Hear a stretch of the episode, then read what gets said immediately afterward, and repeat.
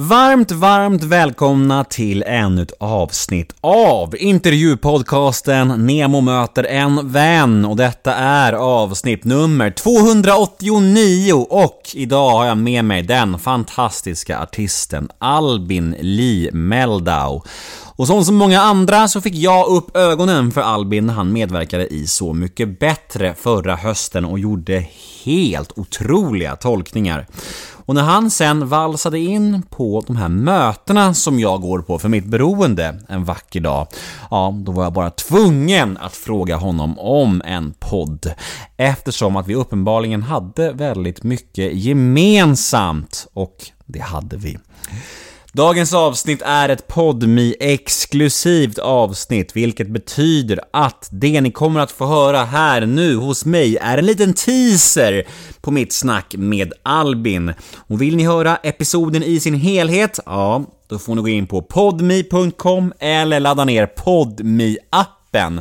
Och vad är då PodMe kanske vissa av er undrar? Jo, PodMe är en tjänst som sysslar med exklusiva och reklamfria avsnitt från några av Sveriges bästa och största poddar. Och detta för en liten, liten slant. Och det härliga med det här är att första månaden hos PodMe är helt gratis och det är ingen som helst bindningstid. Ja, ni hör ju själva, det är ganska, ganska fantastiskt det här.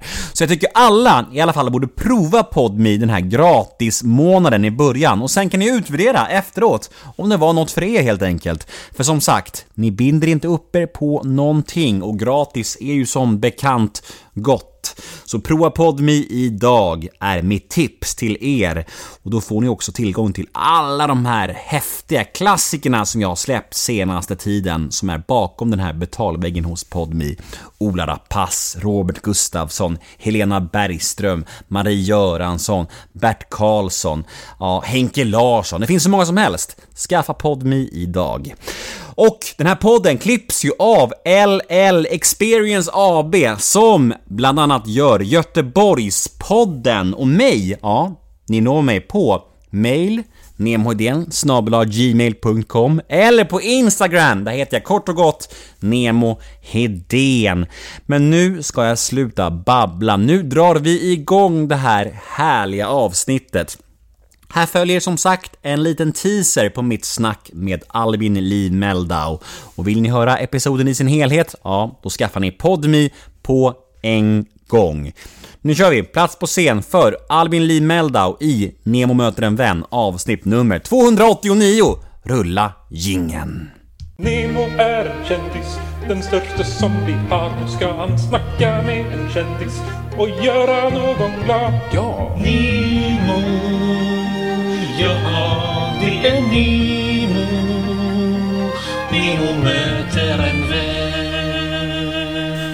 Nu kör vi Nemo möter en vän med Albin Lee Meldau.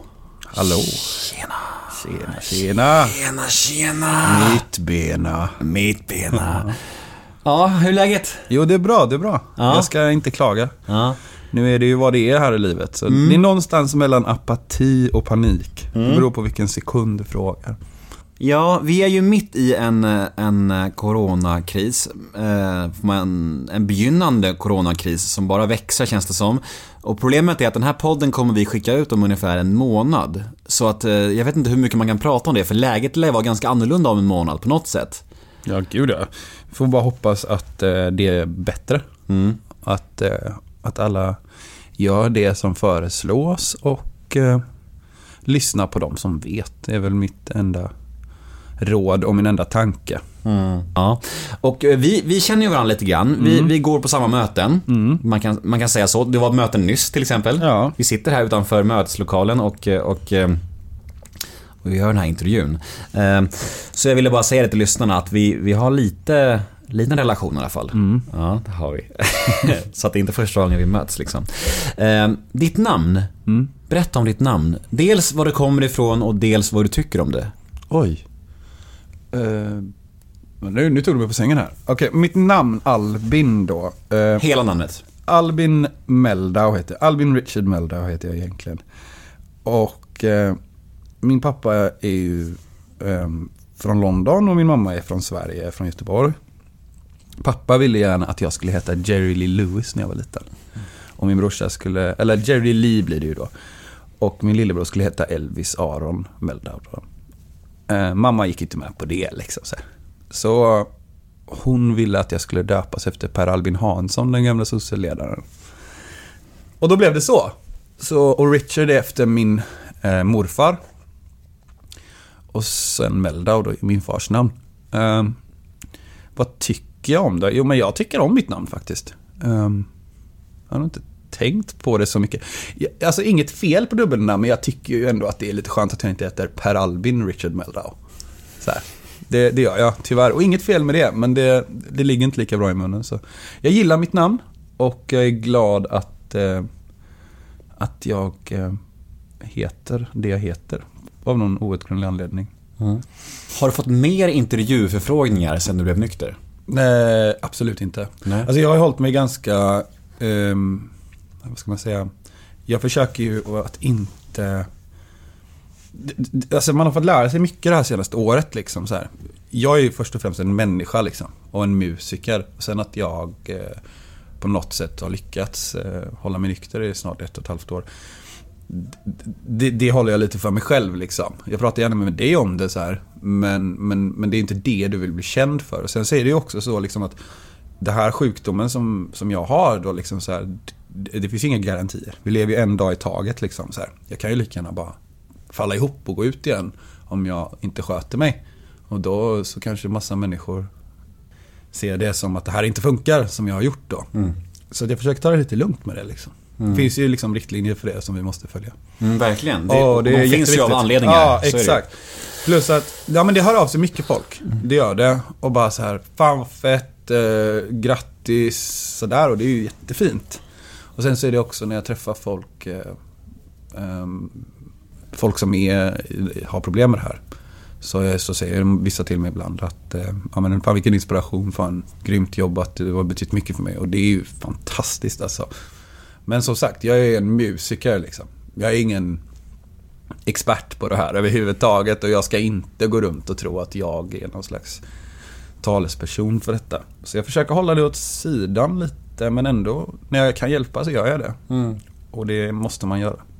Jag tror det är en sund, men lite svår balansgång. Men det är något som det är det. växer på en med, med åren, tänker jag. Vad hände sen då? Nu när vi börjar närma oss, eh, vi går upp några år i skoltiden här och, ja men säg högstadiet där och vad... Var det bara musiken eller fanns det liksom tankar om att bli någonting annat också? Eller hur? Nej men jag vill ju bara bli fotbollsproffs. Ja, det var- det var alla det som var prio. fotboll- Ja, ja, ja, gud. Alltså jag vill ju absolut inte bli musiker. Det här? Okej. Nej, nej, alltså, nej, absolut inte. Alltså jag är jättenörd, fotbollsnörd. Mhm. Alltså, När kom den insikten då om att det kommer du inte bli? Det kom väldigt sent. Ja, det kom typ, häromdagen.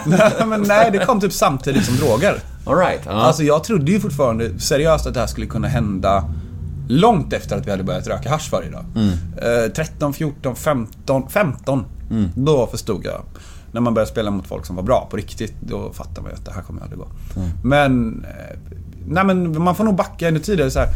Jag bytte ju klass varje år. Jag gick väl i, jag vet inte om det är en ny varje år för jag kommer ju liksom inte ihåg. Men det är typ det. Specialklass och det, du vet. På varje, varje sommar så började jag en ny klass. Så var det. Alltså jag var aldrig mobbad så, snarare tvärtom. Jag var nog inte alltid helt snäll. Men... Eh, vet man, störig. Alltså jag var aldrig den här killen som slogs, eller, eller kanske jag var, men, men aldrig den här, du vet, penalist sadist människan Utan jag var ju mer den här människan som bara skulle synas. Klassclownen liksom. Och det gjorde ju att man typ hamnade efter och man liksom struntade i det och man var aldrig i skolan. Så jag bytte klass fram och tillbaks varje år. Och sen när jag var typ skulle fylla 12 då flyttade jag ifrån min mamma som bor utanför. Hon bor i typ Åsa heter det. Det är typ som Vallentuna liksom. Ehm, och då flyttade jag därifrån in till min pappa som bor i Linné. Annars hade jag bott varannan helg hos pappa. Och fulltid ute på landet då.